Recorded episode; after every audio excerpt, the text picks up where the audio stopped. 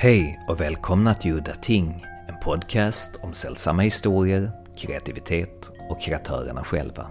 Mitt namn är Henrik Möller, musiken är skapad av Testbild och loggan till podden är gjord av Malmökonstnären Nalle Chinsky.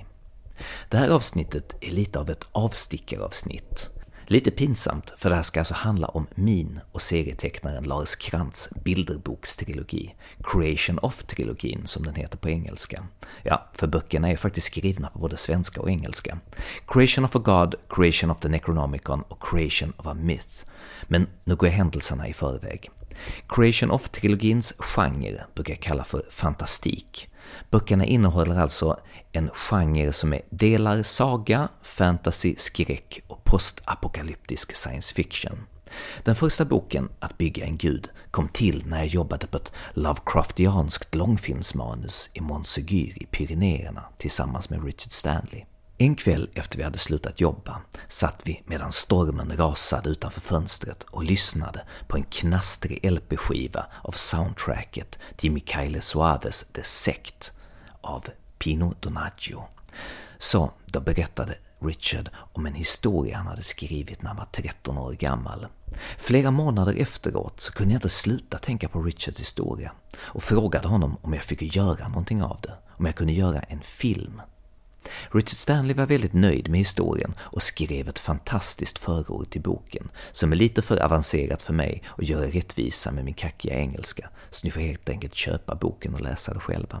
Men nu ska jag inte uppehålla er mycket längre med mitt snack här, utan nu ska vi gå direkt till en paneldiskussion 21 november 2018 på releasefesten av den sista boken i trilogin. På scen är jag själv, Lars Krantz, och moderator är serietecknaren Sara Graner. Hej! Det känns väldigt kul att vara här. Jag heter Sara Graner och är serietecknare och illustratör och ska leda det här samtalet. Eh, och eh, eh, det är en väldigt stor ära för mig att sitta här med Lars och Henrik och få prata om den här boken, Skapandet av en myt och de andra böckerna som ingår i den här trilogin. Och vi kommer ju också se film. Ska vi börja med att kolla? Det tycker jag vi kan göra. Jag kan ju nämna bara lite kort att eh, när jag och Lars började samarbeta på den här filmen så var det tänkt att det skulle bli en film, om du minns det var. Så man ja. tänkte att det skulle bli en bok. Och det är väldigt tydligt när man ser det. Därför det är väldigt korta meningar, det är intensivt eh, kondenserad story. Det var bara det jag ville säga. Jättefint. Och jag glömde också säga en sak som, som är att det kommer gå jättebra att ställa frågor mot slutet av den här kvällen. Så spara på frågor och reflektioner. Ja, mm? då kör vi igång. Ja. Det här som vi fick se nyss är den första delen i en trilogi. Det kan man säga. Som du har skrivit och Lars har illustrerat. Mm.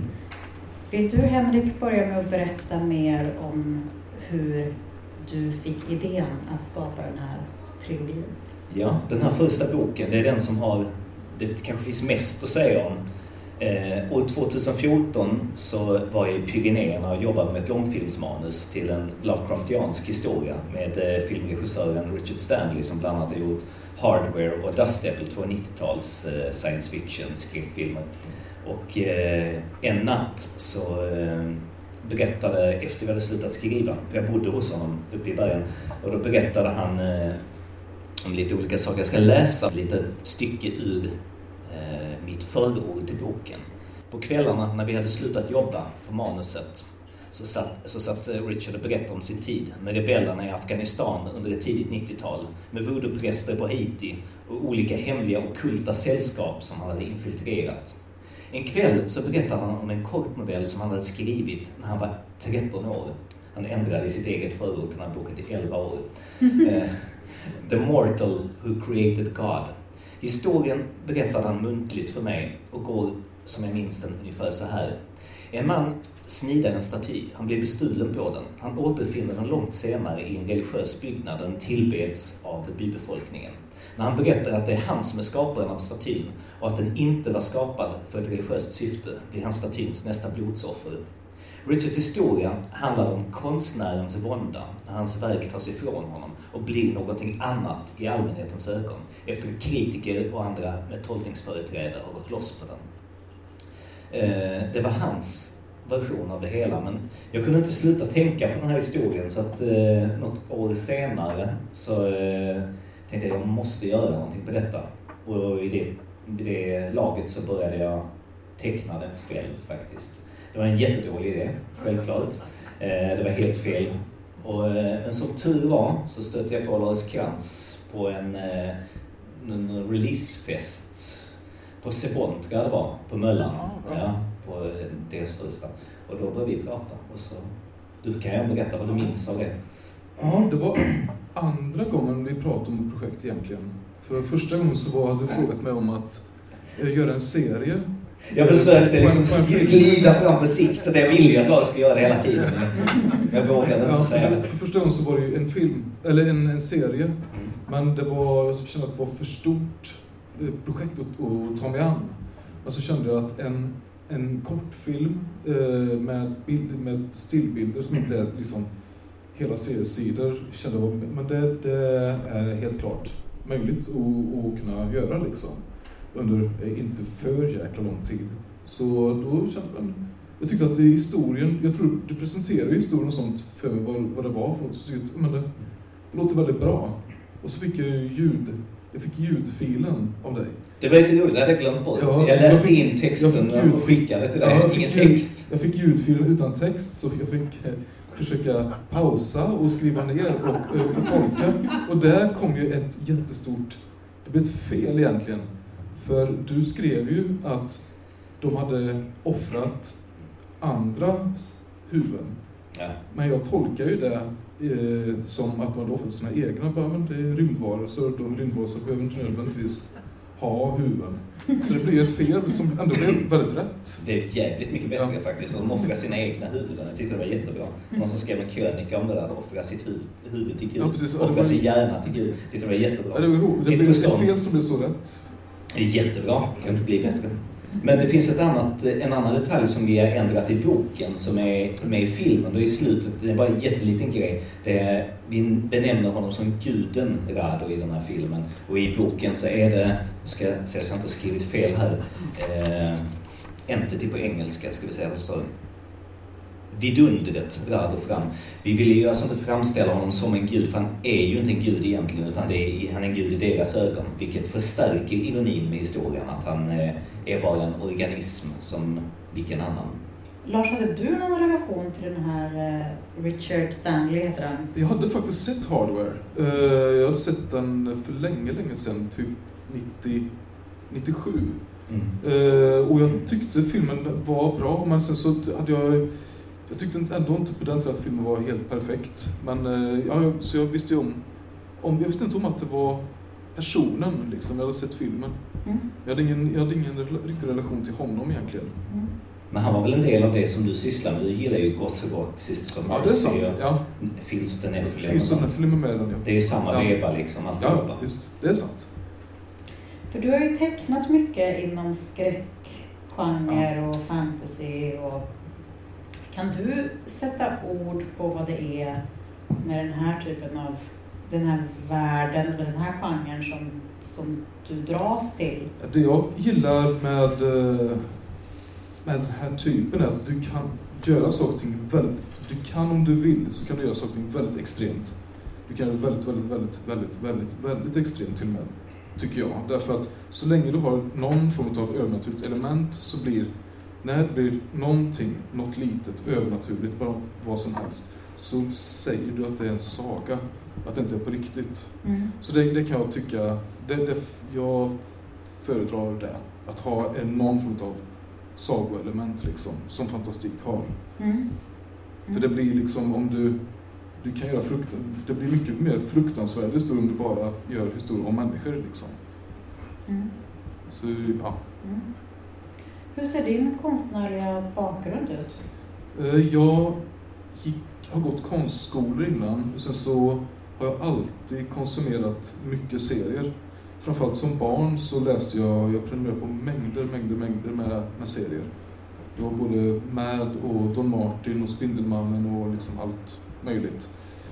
Eh, så efter jag hade gått konstskola och börjat arbeta som kyrkogårdsvaktmästare så började jag arbeta som säsongsanställd.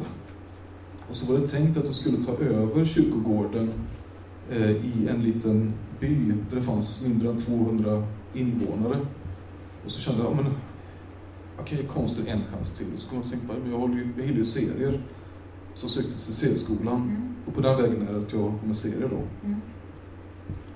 Och sen så blev jag kvar här efter serieskolan liksom. Mm. Mm. Och nu bor du och verkar i Malmö? Ja, precis. Mm. mm. Henrik, jag tänkte på, du har ju verkat ganska mycket inom en annan genre som man kanske kan kalla för socialrealistisk absurdism, eh, satir med dina, eh, mycket av ditt andra filmarbete. Hur ser du på de här möt, relationen mellan de här olika genrerna? För det här är ju, är ju som ett annan, en annan gren kanske av ditt ja. konstnärskap. Jag har inget eh, riktigt eh, fyndigt svar på det. Snarare är det så att de filmerna är, även om det är en samhällskommentar ibland, så är det baserat på, alltså nu talar jag om några sat groteska satirfilmer, och så är det mer baserat på eh, den svenska seriekulturen som fanns när jag var liten på 80-talet eh, med ganska grov humor. Eh, ibland socialrealistisk, ibland inte. Så att det, det väl, ligger väl närmare det. Det här är väl snarare kopplat till det som Lars, Lars och jag har en liknande bakgrund med serier och filmer och inom fantastik som vi kallar det, en sorts paraplybegrepp för science fiction, fantasy och skräck som vi båda gillar. Ja.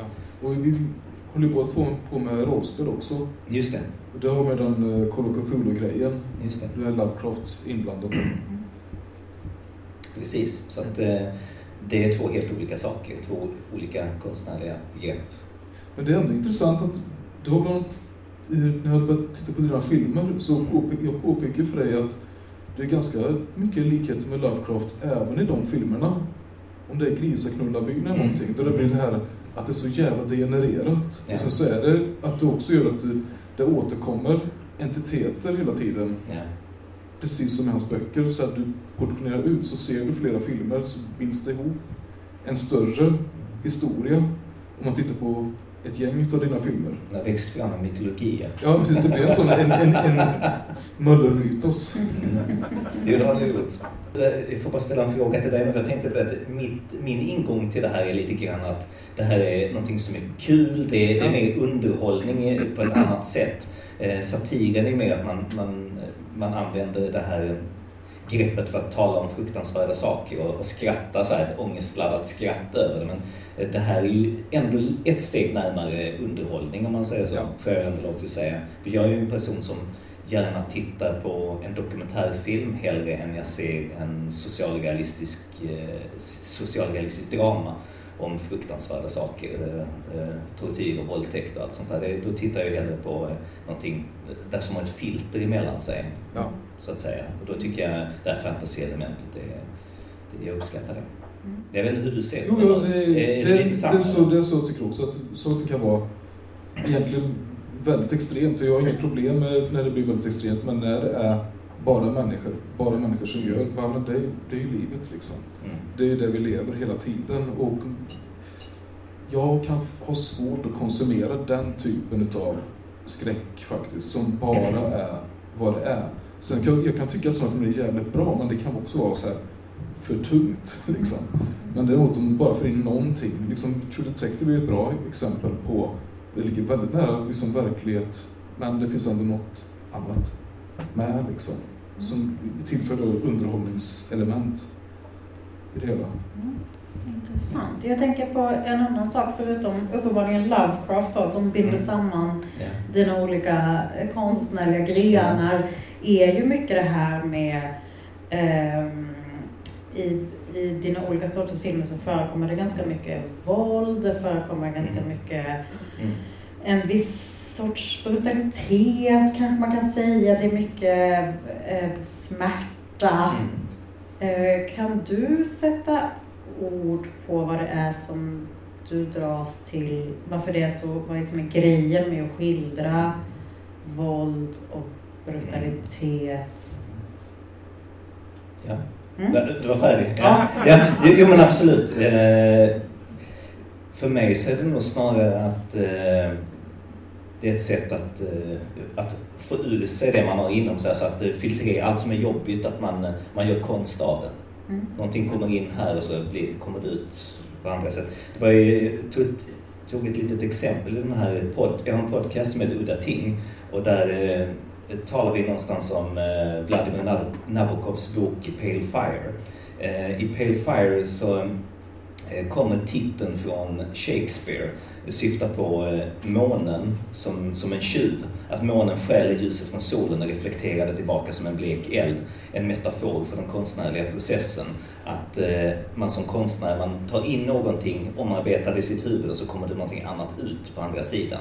Alltså man tar in vardagliga saker och sen så omarbetar man det. Och det uttrycket som kommer ut, det tar i sig olika uttryck uppenbarligen, vad man sysslar med för typ av konst. Men, eh, nu vet jag inte om jag svarar exakt på din fråga men jag tror att det var lite det. Mm. Man, man, man tar in och sen så på något sätt så kommer det ut allt som man har haft inom sig. Som man läser i tidningen, man hör på radion, man ser i sin vardag och så bearbetar man det så kommer det ut. Det är oftast man har varit med om någonting. Alla mina filmer jag har gjort är att jag har varit med om någonting och så kommer det ut något på andra sidan. Och man berättar för folk så det här är inspirerat av den händelsen där hände. För gissat. För att det är ändå ganska långsökt ibland. Det, det blir ju någonting annat alltid. Men det finns små grejer. Nu ska jag inte bli för luddig här. Och sen så har det väl också lite med dramaturgi att göra. Att eh, när det blir våld så står saker och ting på spel. Liksom. Och det är också även en, en tempohöjare. Att man, man har partier liksom. Sen så har det ett parti som är ett våldsamt parti. Action Och då blir det helt enkelt action eller ja, liknande. Mm. Vad har du processat i den här arbetet med de här böckerna? Eh, jag är inte en jätteanalyserande person så tyvärr kan jag inte ge så mycket svar på det. Men det första var det ju någonting resonerade, som man säger på resonated. Alltså när jag hörde den här historien som han berättade för mig att det här är en skitbra historia. Någon annan människa hade inte tyckt att det kanske var någonting speciellt men jag kunde inte sluta tänka på historien. Och eh, så frågade jag om kan jag få göra något av det. Så att någonting måste det ha funnits. Men jag har inte riktigt analyserat vad det är. Nej. Vad var det för film ni jobbade med i Pyrenéerna? Vi jobbade på en film som hette, hade arbetsnamnet The Crawling Chaos. Det finns ett eh, färdigt treatment. Ett treatment är varje scen i filmen beskrivet exakt vad som ska hända. Så det är inte dialog, allt utom dialogen kan man säga. Eh, och det är en sorts blandning av H.P. Lovecraft möter Festen, den här danska komedin. Mm. Mm. Så att det ett hus på en liten öde ö där folk kommer samman. Vad, vad händer med den? Den är fortfarande oproducerad. Den är lite för dyr. Det är, det är en lite längre historia, jag vet inte om jag ska gå in på det för det är, det är inte så jättespännande men uh, saker och ting händer när man sysslar med film. Ibland så har man, har man, upp, uh, har man liksom medvind och det går skitbra och sen plötsligt kan det hända några små uh, saker som får allting att rasa. Mm. Det här är ju ett samarbete. Jag undrar hur ni ser på att samarbeta konstnärligt jämfört med att arbeta individuellt? Uh, ja, men man tvingas tänka på ett annat sätt och jag, jag gillar det. Uh, jag tycker att båda två är, är roligt. Det beror lite på också vem man samarbetar med och, uh, och det beror på liksom alltså förhållanden och sånt liksom. Som när Henrik, ge, Henrik ger ju mig text och så får jag tolka den texten som jag vill och så får jag arbeta med den. Och du ger ju mig väldigt mycket fria tyglar med vad, vad, vad som är okej. Okay. Så det, det är väldigt friktionsfritt att arbeta med Henrik. Liksom. Och så är det, samtidigt som man arbetar så kan jag också eh, se, det kan ge mig väldigt mycket för jag kan se saker som jag själv borde tänka på när jag, när jag skriver. Liksom. Som du är, när du har gjort de här böckerna och filmerna så är du väldigt direkt så här. Jag är väldigt mycket mer slow burn alltid. Och så tycker jag, jag tycker att du har väldigt rätt. Att bara, man kan faktiskt börja väldigt snabbt med någonting. Liksom. Så jag, jag blir ofta inspirerad av uh, eh, de författarna som jag arbetar med, hur de arbetar. Både Henrik och även Per Törn, så hur, hur deras språk och sådana saker. Så det, det ger mig väldigt mycket att arbeta med andra. Vad tycker du Henrik? För Lars teckningar är ju ganska annorlunda mot hur det ser ut när du, Mm. när du gör bilder själv. Det är därför jag inte har tecknat dem själv. Jag förklarar det själv. Nej, men Lars, eh, I Lars teckningar så ser jag några av mina favoriter från ungdomen. Till exempel eh, Bernie Wrightson till exempel. Eh, stor favorit. Eh, en så skräckserieförfattare som skrev i Creepy Area. Om det är någon som känner till de gamla amerikanska tidningarna. Eh, Han, han var även med på svenska i Träskmannen. I mm, Gigant ja, och Mysteriemagasinet. Men Mm. då måste man vara lite äldre för att känna till dem kanske. För ja, de kommer på eh, tidigt 80-tal, 70 tidigt 80-tal tror jag. Ja, nej men så att jag gillade den stilen och det, det, ja, jag var ju ett stort fan av din, eh, dina grejer, i alla fall din tecknarstil i synnerhet liksom. Jag hade inte läst jättemycket innan jag träffade dig men det, jag ville ju att du skulle teckna hela tiden men jag vågade inte riktigt säga det rakt ut. Jag försökte att gå runt det hela tiden och lägga upp det på olika sätt. Jag kommer inte ihåg hur, vad jag hade för omvägar. Du flörtade till dig Ja, det, ja, vi blev fulla i alla fall. Det var det jag kommer ihåg. När, vi, när kvällen var slut så gick vi hem där så arm i arm och så sa fan vi ska göra det här. Det kommer bli så jävla bra. Ja, vi, Ungefär tänk, så vi tänkte ju också från början ganska snart att göra, att göra en tre, tre böcker, eller tre filmer var det väl. För som, precis som Ja, det var det kanske. Ja, jo, jag tror du, du nämnde det och jag var på det också. att bara, men man gör tre, tre stycken för det är, eller som det är så här, en, en, bra, Mm. en bra siffra. Så här. Mm. Hade du idéer då till alla de här böckerna? Nej, det hade jag inte. Jag kan inte tänka mig att jag hade det. Det var nog bara en, en idé. Ja, vi ska göra tre, det blir skitbra. Jag vet faktiskt inte. Mm. Hur, hur får- utvecklades det? Hur växte det fram? Lars, kommer du ihåg? Inte helt och hållet. Jag vet att vi pratade, som sagt, vi pratade ganska tidigt. Jag vet att vi, vi spikade nästan, åtminstone när första boken hade kommit ut, så sa man vi, vi försöker satsa på tre. Mm. Eh, för vi hade pratat om det innan. Sen så, så här, och sen så kom det med någon idé eh, en, något år senare tror jag. Mm. Och så sa jag, jo men, jag, gör, jag gör det. Och så hörde du av dig någon vecka senare, har du börjat än? Mm. så, men det hade jag inte. Men det, men det blev ju av liksom. Ja, jag, försöker, jag blir så hetsig, jag försöker inte vara för påträngande. Men eh, jag tror alla, i alla de här, eller de två efterföljande böckerna, så allting som inte blev av, delar av eh, pit, eh, pitchen från min långfilmen som jag pratade om innan, här The Crawling Chaos, eh, nästlar sig in lite grann i den andra filmen vi ska se snart. Och sen så gjorde jag ett annat eh, arbete som vi kan prata lite om senare med den tredje boken då, där jag var en av dem som var med och skrev eh, ett manus till Cannibal Holocaust del 2. Om det är någon som vet vad det är för en film. En 70-talsfilm, den första found footage-filmen för originalregissören. Eh, och där hade vi lite idéer som fanns, nästla sig in i tredje boken. Så jag tror att allting som jag inte kunde göra, som jag hade jobbat tidigare, tryckte in i de här böckerna. Som du har gått och ruvat på under Exakt. arbetet med ditt andra, ja, dina andra filmer och så. Att du har... Den andra boken som ni ska få se filmen Mm. av eh, snart. Ja. Den är ju också precis som den första baserad på en annan persons Just det. eh, text, eller hur? Jag skulle vilja säga att eh, både, jag kanske den talar för Loris också, att det är vår allra första fanfiction-grej Ja, vi just gör. Ja.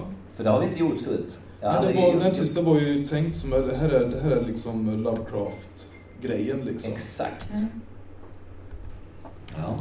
Vill du berätta om hur din relation ser ut till H.P. Lovecraft. precis? Ja, alltså främst var det hans historia som jag upptäckte när jag var 16 år och spelade rollspelet. Jag, som många i min generation eh, så upptäckte de Lovecraft genom rollspelet, inte genom böckerna som en tidigare generation gjorde. Jag spelade rollspelet först, sen läste jag böckerna.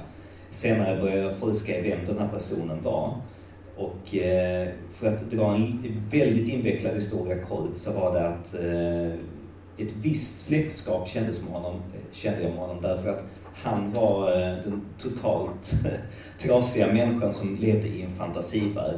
Han eh, hade en väldigt eh, rik fantasi, han drömde väldigt intensiva drömmar på nätterna och eh, han lekte sig genom livet. Det känns ganska fult att säga men det är någonting som, som jag gillar att göra själv. leva mycket i fantasins värld. Så att eh, det var väl lite av det. Dreamer on the night side helt enkelt. Det finns någon biografi om honom som har kallats, säger en del. Så att, eh, den här filmen också innehåller en hel del nördfakta. Den är extremt nördig. Det in, eh, den innehåller Lovecraft själv och personer relaterade till honom inbakade i historien. Just det. Och hur är det att jobba så nära en annan författare? För det är väl ingenting som du är så van vid? Eh, Nej. det finns ingen litterär förlaga till filmen om Inte alls. Nobelvägen eller Nej, Kaninhoran? verkligen inte. Det här är någonting helt annat. Men eh, under mina tonår så läste jag, hade en period där jag läste nästan uteslutande biografier om personer. Och jag kan säga 90% av de biografierna handlade om folk som sysslade med konst eller någonting kreativt. Eh, var någon form av släktskap. Man var intresserad av andra människor som höll på med eh, kreativt arbete. Och eh, det fanns väldigt mycket om Lovecraft. Lovecraft är en av 1900-talets mest väldokumenterade personer på grund av att det är så många brev. Han var ju internet innan internet uppfanns. Så att eh, alla hans korrespondenter hade ju sparat sina brev. Eh, det finns en 1000 sidor lång biografi som jag har läst igenom, strukit under noggrant och sånt här. Jag är väldigt besatt av det. Så att lite av det arbetet har nästlat sig in i den här det kanske inte är intressant för någon annan människa, men vi kan ju kan, kan nämna lite när filmen är slut, eh, när ni väl har sett filmen.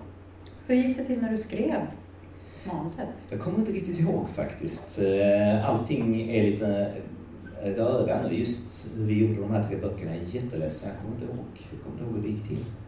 Jag är hemskt ledsen.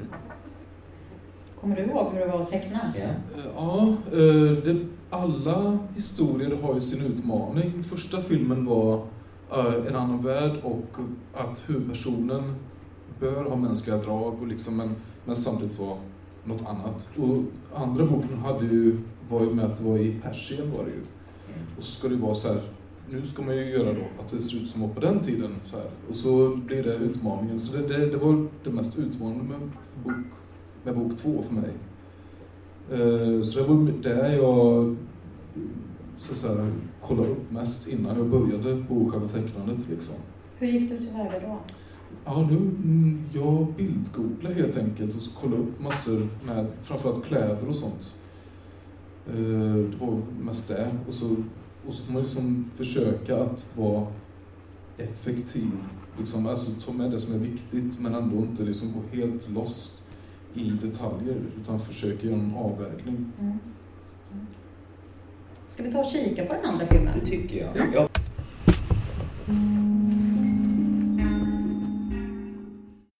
Inte haft lika starkt intresse för Lovecraft som Möller har haft. Jag har haft lite andra i- intressen liksom. Berätta mer om dina intressen. Ja, men det har varit andra, skräck, eh, andra skräckintressen. Jag, eh, jag har spelat rollspel som heter Kult på 90-talet. Det blev jag väldigt, väldigt, väldigt eh, inspirerad av. Och det var ju liksom den tidens nya skräck. Mm. Och jag hade ju läst lite så om Lovecraft och jag tyckte att det var lite förlegad skräck. Mm. Jag tyckte inte det, det passade inte. Liksom det var ju, ja, men 90-talet var en ny, en ny tid liksom med Hellraiser och allt det här. Och så tyckte jag att eh, Lovecraft var lite så här, nej, det är inte, det är inte riktigt otäckt. Mm. Men, men nu på senare tid så har jag läst eh, ja, ganska mycket Lovecraft. Jag har läst om flera av hans noveller. Jag brukar sällan läsa om skönlitterära böcker, men just så här, vad heter den? Eh, Cthulhu 2 var den som hette, som kom på svenska. Den har jag läst flera gånger. Sam J. Lundvall i översättning har fått ju- svår, allvarlig kritik för att det är en skitöversättning. Ja, men Jättemycket de- stavfel och Ja, grejer. men de fick väl så fruktansvärt dåligt betalt också. För att det var just skräp, Mm. skräplitteratur på den tiden. Liksom. Mm. En sak som är gemensam för alla de här filmerna, böckerna, är att det är mycket onda gudar. Vad har ni för... Så religions... Ja, men vad har du för förhållande till religion? Jag är väl, eh, alltså, jag är väl faktiskt eh, ganska mycket emot eh, organiserad religion. Mm. Så. Eh, men sen så blir det, all, det är alltid så att man, jag, om jag tror på eh, person så tror jag på, jag tror på vetenskap som liksom språket för oss alla. Och sen så tro anser jag personligt, det är liksom en individuell grej som är bara för en själv egentligen. Så jag tror inte på den här organiserade historien liksom. Mm. Jättefint Lars, jag håller med till 100 procent. Finns det någonting i, eh, finns det någon symbol i det här med de här gudarna som, som är besvärliga när du skriver? Kan man se någon representation av de här liksom illvilliga gudomarna i samhället eller i ditt liv? Ja, det kan det absolut vara. Men eh, det är väl inte riktigt så egentligen. Utan snarare i att bygga en gudboken så är det snarare den lilla människans tröst som tas ifrån honom i den här boken och eh, görs till någonting annat. Det, det är väl snarare det det handlar om. Mm. Nu ska vi snart ge oss in i den tredje boken. Ja, det tycker jag. Har du någonting som du vill eh, lots, något sätt som du vill lotsa in oss med nu när vi går in i den tredje? Hur har det gått till att gå från den första boken till, till den tredje skulle du säga? Ja, vad säger du Lars? Jag höll på jäkligt länge. Det var ju en, en väldigt filmisk berättelse som skulle berättas i den här korta historieformen där det var väldigt korta meningar. Det var väldigt mycket action, det var väldigt mycket det var egentligen en långfilm som skulle berättas i synopsisform på ett annorlunda sätt. Så det var jätte, det jättesvårt. Jag höll på att krydda jättelänge med den. Ihåg de två första böckerna så var, hade du ju manus snabbt. Men tre, mellan de två till den här så vet jag att, för då var det ju faktiskt jag som frågade dig egentligen hur långt du hade kommit med manuset. För jag vet, och då sa du ju det flera gånger att ja, men det, det är svårt. Liksom, för, det, för det var ju också att du hade en grundidé som var, även jag, jag är ju som så jag nästan aldrig på om det är någonting som är väldigt hårdkokt så här. Och det gjorde ju inte även för din historia den här gången. Men den var rätt grov. Originalet ja. var, ju, var ju mer extremt liksom. Mm. Och det tyckte jag var, det var roligt. men, det, men det blir ganska Vet, någon... Vi kom fram till att vi skiter i det här. Vi, vi, vi, vi, vi utvecklar inte. Att ni skulle skita i hela projektet, var det så? Nej, att vi, att vi ändrar om lite grann. Ja, du menar att ni ja. sket i vissa delar som ja, ni kände gick ja. över gränsen? För filmen handlar ju om tre stycken höggravida desperados mm. som vi snart kommer att få reda på. Och eh, då kommer man fråga sig varför är de här kvinnorna gravida? Var kommer de ifrån? Vi valde att lämna det öppet därför att eh, bakgrundshistorien var så pass grotesk så att vi tyckte att, eh, jag vet inte riktigt, det kändes inte riktigt befogat. Vi kom mm. fram till det att det blir bättre om man bara snabbare kom in i handlingen Exakt. och så fick eh, läsaren, eh, betraktaren då, eh, dra sina egna slutsatser. Man kan ju faktiskt ana vad det handlar om egentligen. Hur jobbar du när du skriver? Har, du, har ni haft deadlines? Har du så en stund på dagen som är vigd åt att skriva? Sitter du på biblioteket? Vad, hur går det till? Jag har ju aldrig jobbat professionellt egentligen så att jag är ganska jag är extremt oprofessionell. Jag försöker hitta så här tekniken. När jag skrev manus för jättemånga år sedan, då hade jag en liten etta, där jag hade en kokvrå. Då hade jag någonting som gick på stekjärnet som höll på att brännas. Så satt jag ner och bara skrev raseri så här. Och så, så jag måste upp och, och, och vända liksom stekarna och grejerna eller vad det var som låg innan det brändes vid. Jag måste ut och fixa i köket och så tillbaka och skrev det gav liksom den här hetsen. Liksom att skriva liksom och sånt där. Nej, nu bränns det i köket! Och så snabbt ut. Det var, det var ett trick som jag hade då. Eh, nu så skriver jag bara när jag är inspirerad. Men det var, var folk som sa att jag är inspirerad varje dag. Jag är inte inspirerad varje dag, men ganska ofta. Ja. Så att jag, jag har, och jag har ju inte det här som ett yrke heller. Så att kan ju unna mig den lyxen att jag behöver inte leverera varje dag. Nej, just det. Mm. Jag vet ju att du jobbar på dagis, eller hur? Ja. Du jobbar som förskollärare. Mm. Hur tror du att det jobbet har påverkat ditt konstnärliga arbete? När jag gjorde mina första filmer så fick jag ju en idé till de här speakerröstgrejerna. Att eh, man kanske skulle kunna göra ett barnprogram speakerröst som, eh, som det var på 80-talet. Slas och de här. Att man skulle mm. kunna göra någon form av vuxenunderhållning. Att det, skulle kunna bli ganska, ganska anarkistiskt och kul att göra ett barnprogram fast för vuxna med extremt grovt innehåll. Eh, och eh, ibland med en, en vidrig, obehaglig, äcklig röst. eh, kanske dreglade lite mycket. Då tyckte jag det här är skitkul. Tyckte jag var som 21-åring eller vad Tyckte jag var sjukt roligt. Mm. Och jag, jag, vet att när du och jag lärde känna varandra så gjorde jag betydligt snällare filmer. Då var jag inne i någon sån här emo-period. Jag är väldigt, eh, ja men det var ju det faktiskt. Det, det är inte stickande skor. Så det är väldigt snälla filmer. Nu eh, har jag gjort betydligt, betydligt vidrigare filmer sedan dess. Jag vet inte varför det gick åt det hållet. Det bara blev så. Har du tänkt på det Sara? Har du, har du vågat titta på de nyare filmerna? Nej, alltså post 2009? Jag har inte tänkt på det, men det är, ja, det är spännande vad det kan bero på. Jag tycker själv att det kan vara, jag vet inte, det kan vara konstigt ibland när man, för jag tycker också om att göra eh, ja, våld eller när det är något. Men du har blivit snällare. Jag tycker att jag har blivit värre. Ja, du har ju kanske blivit mognare, jag har blivit mer omogen kanske. Mm. Men, men tror du att du påverkas av hur det är i världen eller liksom i samhället? Mm. du, när det kommer till liksom brutalitet och, oh ja. och på, hur då? Vi har varit inne på det här lite innan. Men... Ja, det, men alla, alla som kommer väl, jag ska inte säga att kommer till åren, men alla blir väl förr eller senare lite uppgivna ju. Över att det inte går att förändra vissa saker. Mm. Så det tar ju sig vissa uttryck i konsten man håller på med. Mm. Man blir mer frustrerad och eh, jag tror att det är det. Mm. Men eh, det är väl aldrig för sent att se ljusare på världen. kanske blir bättre då. Mm. Vad, vad säger du Lars? Eh, om... Om det här, känner du igen dig i Henriks berättelser?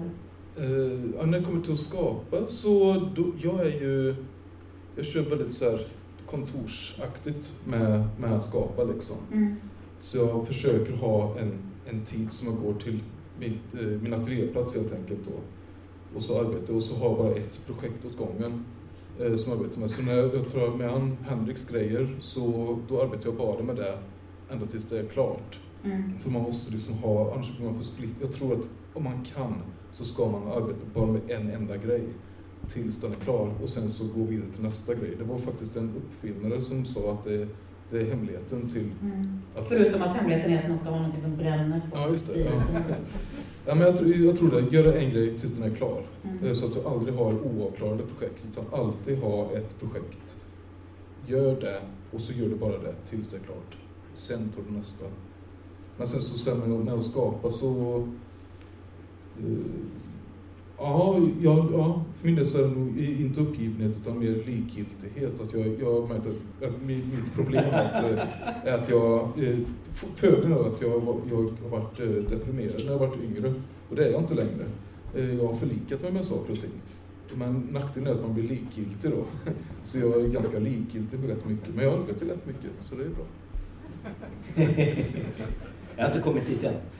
Intressant. Med detta sagt, ska vi titta på den tredje filmen? tycker jag. Mm. Kan inte jag få läsa den här texten? Jo. Jag tyckte den var jätteviktig. Eh, jag kontaktade Sara för jättemånga år sedan. Jag, blev, jag läste, köpte ett fanzine som hon hade gjort och så tyckte jag det var jättebra. Så kontaktade jag henne och så visade att hon visste vem jag var. Och så skrev hon en väldigt fin text som var så här eh, till, till den första DVDn jag släppte som Kaninhåren. Det är så fint så jag gråter när jag läser det. Sa att jag måste läsa detta. Första gången jag såg Henrik Möllers filmer var min kompis Nils och hälsade på mig i Malmö. Vi tittade på filmerna på Youtube. Vi skulle egentligen sova, men vi orkade inte för det fanns så mycket bra. Vi blev glada, upprymda, inspirerade och fylldes av tacksamhet med denna, mot denna upphovsman. Kaninhoran är en av mina personliga favoriter i Henrik Möllers filmproduktion. Ja men så var det. Det var väldigt, eh, det var härligt. Jag minns att jag blev just sådär väldigt eh, inspirerad. Det kändes som att det, var, det fanns en sån väldigt härlig energi i dina filmer och en känsla av att det var någon som hade... Jag blev verkligen just sådär tacksam att det var någon som hade suttit och gjort på riktigt det här och inte bangat ur. Att jag tänker att det är en lätt sak som händer, att man kanske har en idé eller man tänker att det här har mycket att göra och sen så blir det av olika skäl inte så. Men med dig har jag känt att du har någon slags kompromisslöshet i ditt skapande. Att du, äh, att Inget du, att förlora.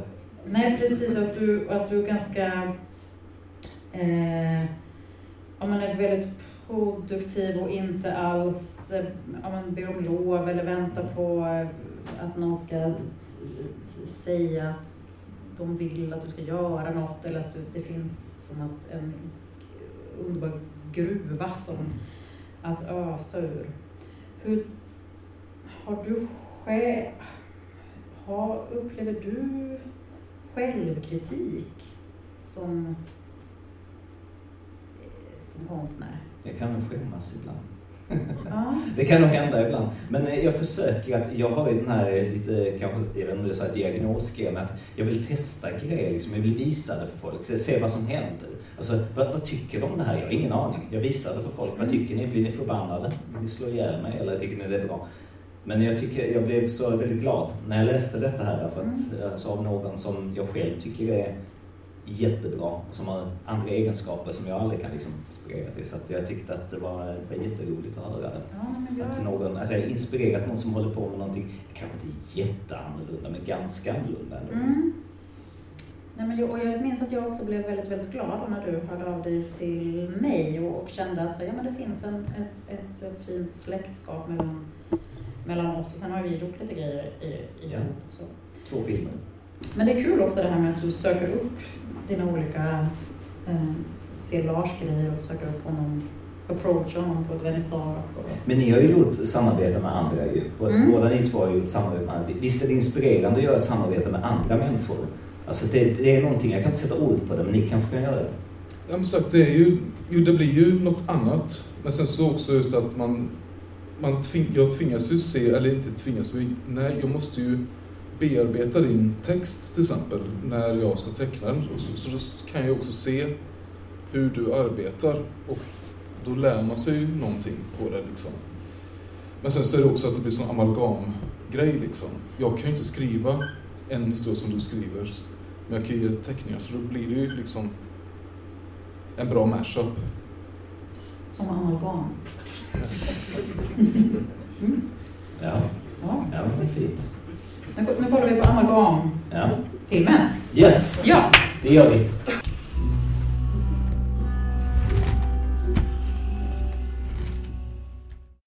Ja, det var också när jag läste manuset så förstod jag inte riktigt de tre kvinnorna, Mm. om de skulle vara helt mänskliga heller. Mm. För att du Varför skrev, fick du för det? Därför att du skrev att eh, hon skulle klättra i taket. Men en människa kan ju inte Ja, klättra, klättra i... Ja, jo, men så, men så, men hon kanske ser ut som.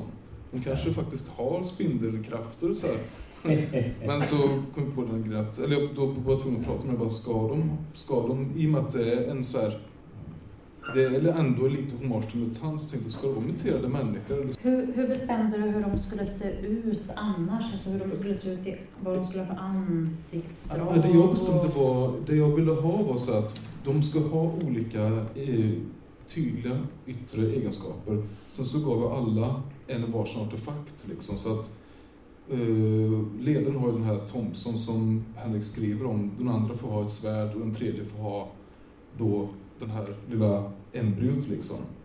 Så att alla får ansvara för en artefakt och den artefakten också säger någonting om eh, rollpersonerna. Att hon som har hand om eh, embryot är också den som är den mest sympatiska då liksom. Mm. Och det blir barnet, eller som någon form av grej som man vårdar liksom.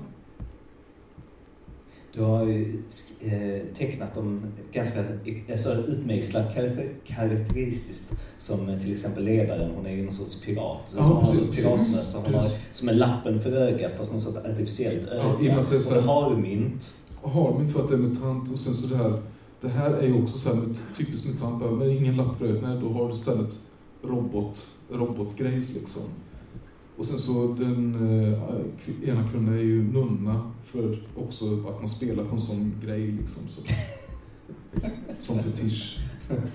Nunsploitation. Ja, precis. Och sen så den tredje är ju skadad därför att hon ä- ä- har empati. Liksom. Så hon är ett skadat öga, där, just därför. Men det är det som du är så himla bra på, speciellt i dina egna serier, eller i all, allt du gör, att du ritar folk som har levt ett väldigt desperat liv, alltså som är ganska eh, hårt åtgångna Ja, av livet. Men det är det- inte vackra människor. Nej, alltså, precis. det är Men inte... det är det, det är det som jag gillar också med dina filmer, just att man, man tar så här, eh, alltså, huvudrollsinnehavare är vanligt folk. Eller kanske inte egentligen helt vanligt folk, men det är folk som eh, man sedan tar med i, i Hollywoodfilmer och sådana grejer. Det är inte medias som, ja, och det är något som jag kan tänka att du vill ta med.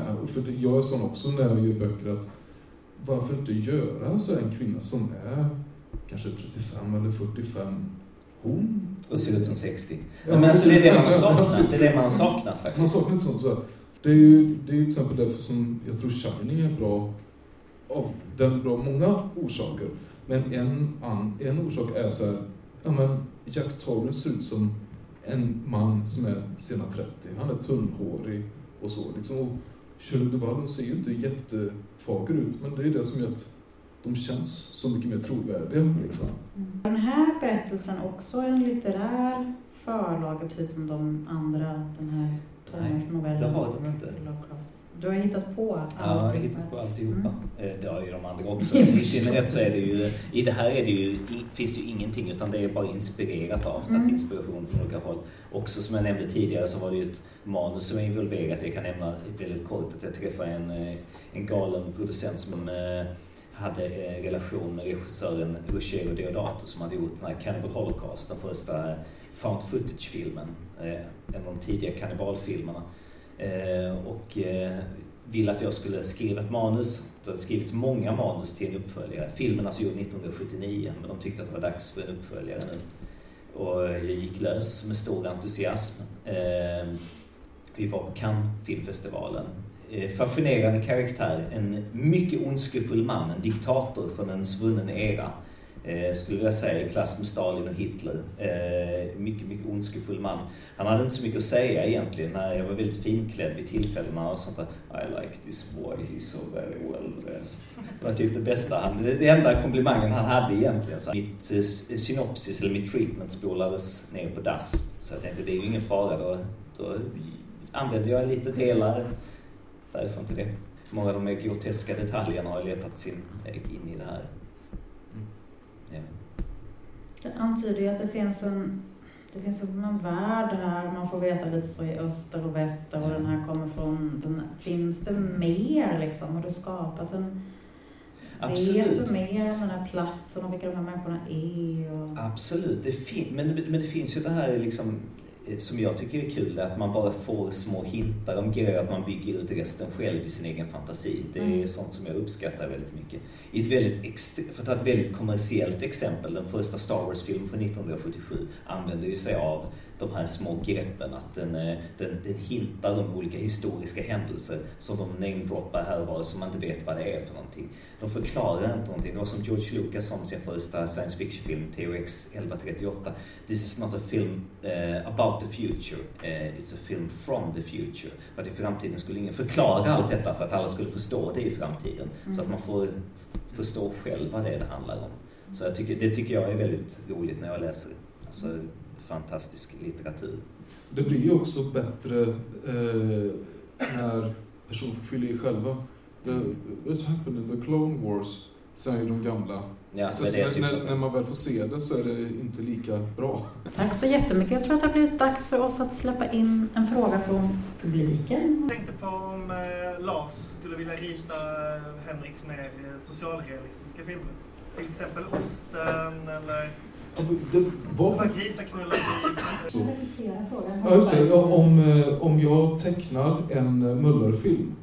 Och det är ju som, som du sa också, att grejen är att när man ändrar om det visuella, den visuella framtoningen, då blir det faktiskt en helt annan typ av serie eller film. Det blir ju, skulle jag teckna det, då kommer framtoningen också bli inte så rolig. Alltså, Lars är så blygsam. Lars tecknar för snyggt helt enkelt, det är det jag försöker säga. Nej, jag tror, alltså, jag tror det är mycket av humorn ligger i att det är fult tecknat. Och ja, om du tecknar liksom det här med våldsamma delar skulle det bli för realistiskt, jag tror, för groteskt. Jag, jag, tror också, och det blir också, du vet när orden, det här ska vara roligt, bara, men det är inte skoj.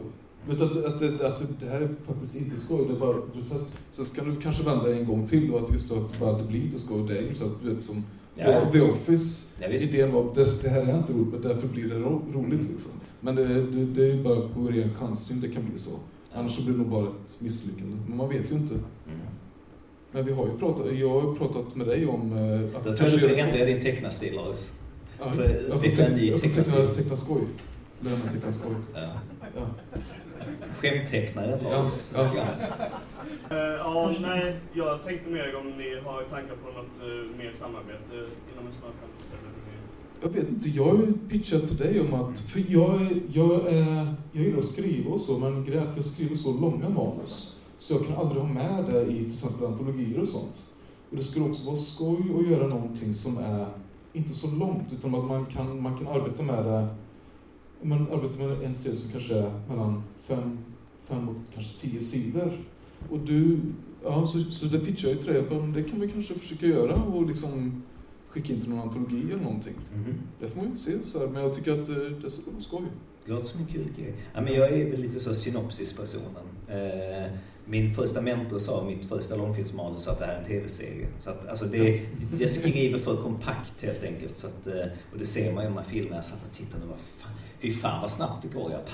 Det, så, det, går, det, det går för snabbt, jag hänger inte med. Trots att jag har sett filmen ett antal gånger. Jag klippte ihop dem själva. Nej, men eh, det, det skulle kunna vara någonting. Ja, jo, för jag, det, är, det är det jag gillar. Liksom att du är väldigt så här, direkt på action. Eller det behöver inte liksom vara action, action, men att det händer saker och ting väldigt snabbt. Och det gillar jag. Men jag själv kan inte skriva så. eh, Har jag märkt. Eller liksom jag, jag, jag försöker, men även om jag komprimerar så blir det fortfarande 30 sidor långa historier. Liksom. Eller kapitel, rättare sagt. Vad jobbar du med nu Lars? Just nu, så, just precis just nu så ska jag börja på ett nytt eh, kapitel till eh, en bok. Som kommer. Eh, en, det är en, serie utav böcker och det här är då den fjärde boken i den serien. Jag har egentligen hela boken kapitel för kapitel klar någorlunda. Men den, den, den som är minst hel, spikad liksom. Så jag kommer att jag, jag vet vissa delar som kommer vara i det här kapitlet. Det här kommer vara med, det här behöver vara med, det här och det här. Liksom. Men jag kommer inte veta exakt nu när jag sätter mig ner och skriver hur allting kommer bli, eller hur långt det kommer bli heller faktiskt. Eh, så det får jag se när jag börjar skriva. Ja, jag tänker både du och jag kommer från ett seriehåll där vi är väldigt vana vid att man gör böcker. Och Henrik är mer van vid att man gör film. Eh, och nu kanske det kommer bli så att alla serier också kommer att bli film. Ja, just Tror du att vi- du kommer ha bidragit till en sån utveckling? Nej, jag tror, jag tror inte det går i och med att jag skriver, eh, jag skriver ju serier som utspelar sig tidigt 1900-tal och det är övernaturliga grejer. Det är väldigt, alltså det är ju så, så här, det är, ju, är väl egentligen skräp, skräplitteratur liksom. Så, så här, det är ju eh, fantastik. Och sen så är det, det blir för dyrt också. Om det någonsin skulle bli film så skulle det vara för dyrt att göra. Ja, men så här. Alltså, Det är väl inte så, Ja, det. så Så, dyrt det- har det väl inte jag varit tänkt- ändå? det har jag tänkt på att eh, det ska jag göra. Mm. Jag ska göra, jag tänkte göra panoramabilder och sen så ha förgrunder så tar man och slide, slidar dem liksom. Mm. Det kan nog bli snyggt, Mm. tror jag. Mm. Och det ska vara som en eh, sales pitch. Spännande. Det är kanske så det kommer att se ut. Det ser vi fram emot. Vi hoppas på eh, att ditt tredje outgivna album i Svarta jorden-serien ska få se dagens ljus. Och du håller på att Ja. jobba med del fyra också. Precis.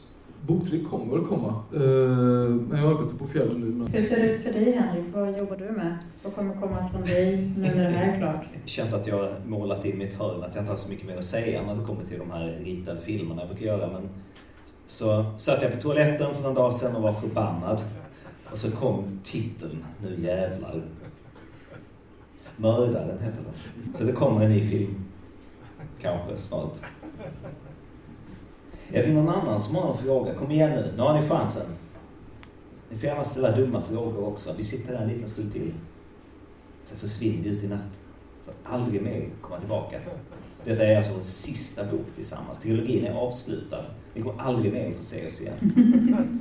Lovecraft han har ju guden, vad man ska kalla för, Cthulhu, Mhm. som har bläckfiskfysionomi till Mhm. tentakler.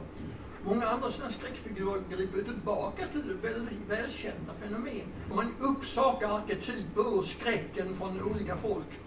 Men om man skulle skapa något helt nytt, obehagligt skräckfenomen som inte gör det, som inte griper tillbaka till någonting annat, hur skulle det se ut då? Författaren Thomas Ligotti har ju jobbat redan sedan 80-talet med en annan typ av skräck. Han är ju, går i Lovecraft fotspår, kallas Lovecrafts arvtagare. Han gör ju en sorts socialrealistisk skräck som eh, utspelar sig på eh, deprimerande arbetsplatser. Så här byråkratiska arbetsplatser med långa korridorer där folk går vilse och eh, har jobbiga kollegor och chefer hamnar i surrealistiska situationer. Kan varmt rekommendera Thomas Ligotti historier som heter eh, My work is not yet done till exempel. Den titel som säger en hel del. Ja, det skulle väl vara det snarare än de här gamla arketyperna. Jag tror inte de är så relevanta idag. Idag är det mer en form av lite mysig kitsch. Uh, om man tar otäcka saker, det var ju det är alltid saker och ting som man kan relatera till som, som mattskärare till exempel. Nästan alla människor har skurit sig på mattskärare. Så det är bra att ha som vapen. uh, i, just för att då känner man smärtan mycket mera. Men kniv, liksom, uh, ja. Det är inte många som har en Bauer-kniv hemma. Om vi skulle avsluta med om ni skulle få ge eh, varsitt tips till folk som vill börja själva göra serier eller böcker eller filmer? Börja med att eh, göra det du tycker är skoj. Alltså ta, och ta med element som man gillar när man, eh, när man ska skriva. Och sen så liksom att du, du göra klart det. Det var någonting som inte jag trodde på när jag var eh, sådär tidiga 20. Då var jag väldigt inne på det att man skulle kompromissa. Jag hade en period, period där jag var inne på det att man skulle kompromissa. Men jag kom fram till det efter mycket trial and error att eh, det lönar sig inte att kompromissa.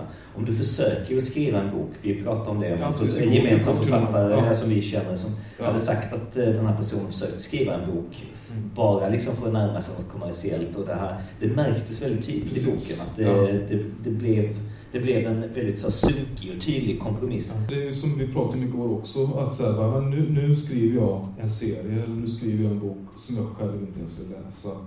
Och det, och det syns liksom, det syns när, en, när man läser en, en sån bok. Vill du säga något mer? Ni, ja, jag vet inte. Jag tänkte, jag tänkte väl mest det att eh, om ni har gått och tänkt i 10-20 år på en dag ska jag sätta mig ner och skriva någonting, en dag ska jag göra någonting. Skit i det, det gör ingenting. Det behöver inte. ja, men du vet den här grejen att man, man sitter där, jag skulle vilja göra det här och sånt där. Det, det var någon som sa någonting att man är mer förälskad i idén att göra någonting än att faktiskt göra det. Och det är helt okej okay, liksom. Det är skit i det. Jag tror att om man hade verkligen velat göra någonting då hade man gjort det för länge sedan. Så att det, ja, det, det, är ingen stor grej. Det finns ju andra grejer man kan göra. Ibland så fastnar folk i tankegångar att det här är det jag vill göra. Men man får liksom rannsaka sig själv. Varför gör man det här? Varför är vi här inför 30 personer? Liksom betalat en massa pengar för att ge ut den här boken. Det är för att det var viktigt. Jag kände att det var viktigt att vi gjorde den här boken, Lars. Jag kan inte riktigt svara på varför. Det är ingen annan som kanske tycker det, men vi tyckte att det var viktigt ja. att ge ut den här boken. Att det var roligt att ge ut den här boken och göra den här boken. Ja. Jag tycker också att det var väldigt roligt och det var väldigt roligt att prata med er här ikväll och väldigt roligt att ni kom och lyssnade. Nu kommer Henrik och Lars att finnas kvar en stund för om det är någon som vill eh, köpa boken och få den signerad. Eh, så tack så hemskt mycket för ikväll. Ja, tack.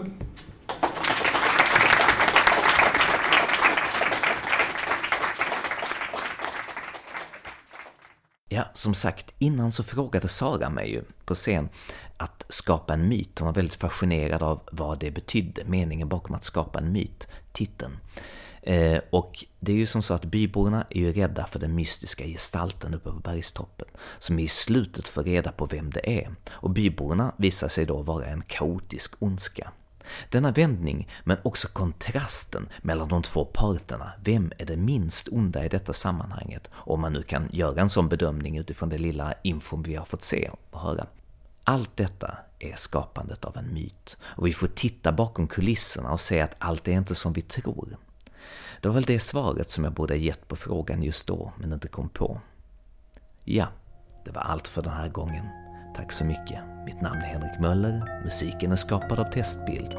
Hej då!